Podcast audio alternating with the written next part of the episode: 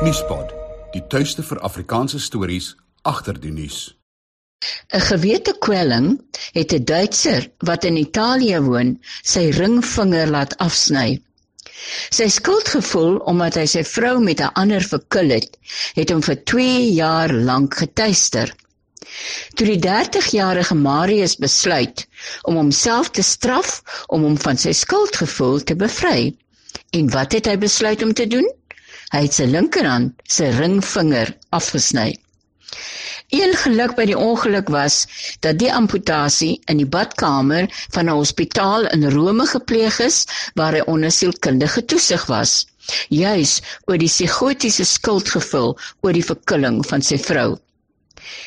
Toe Marius bebloed uit die badkamer storm, het die verpleer baie gou die afgesnyde ringvinger in die opwasbak gekry Dit is in 'n 2 uur lange operasie weer aangeheg en so was Marius weer heel hand en heel vinger en kon hy weer sy trouring dra.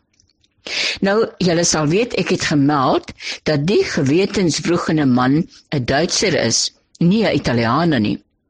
Ons hoop tog nou net dat sy voorbeeld nie deur die Italianers gevolg sal word nie, want dan sal daar kilometers afgesnyde ringvingers in Italië rondlê.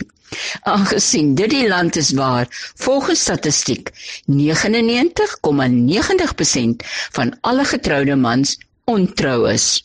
Ag, genade, hou tog ringvinger, hou, dis log, né? Italië. Nuuspot. Onbevange, onbegrens, onbevooroordeeld.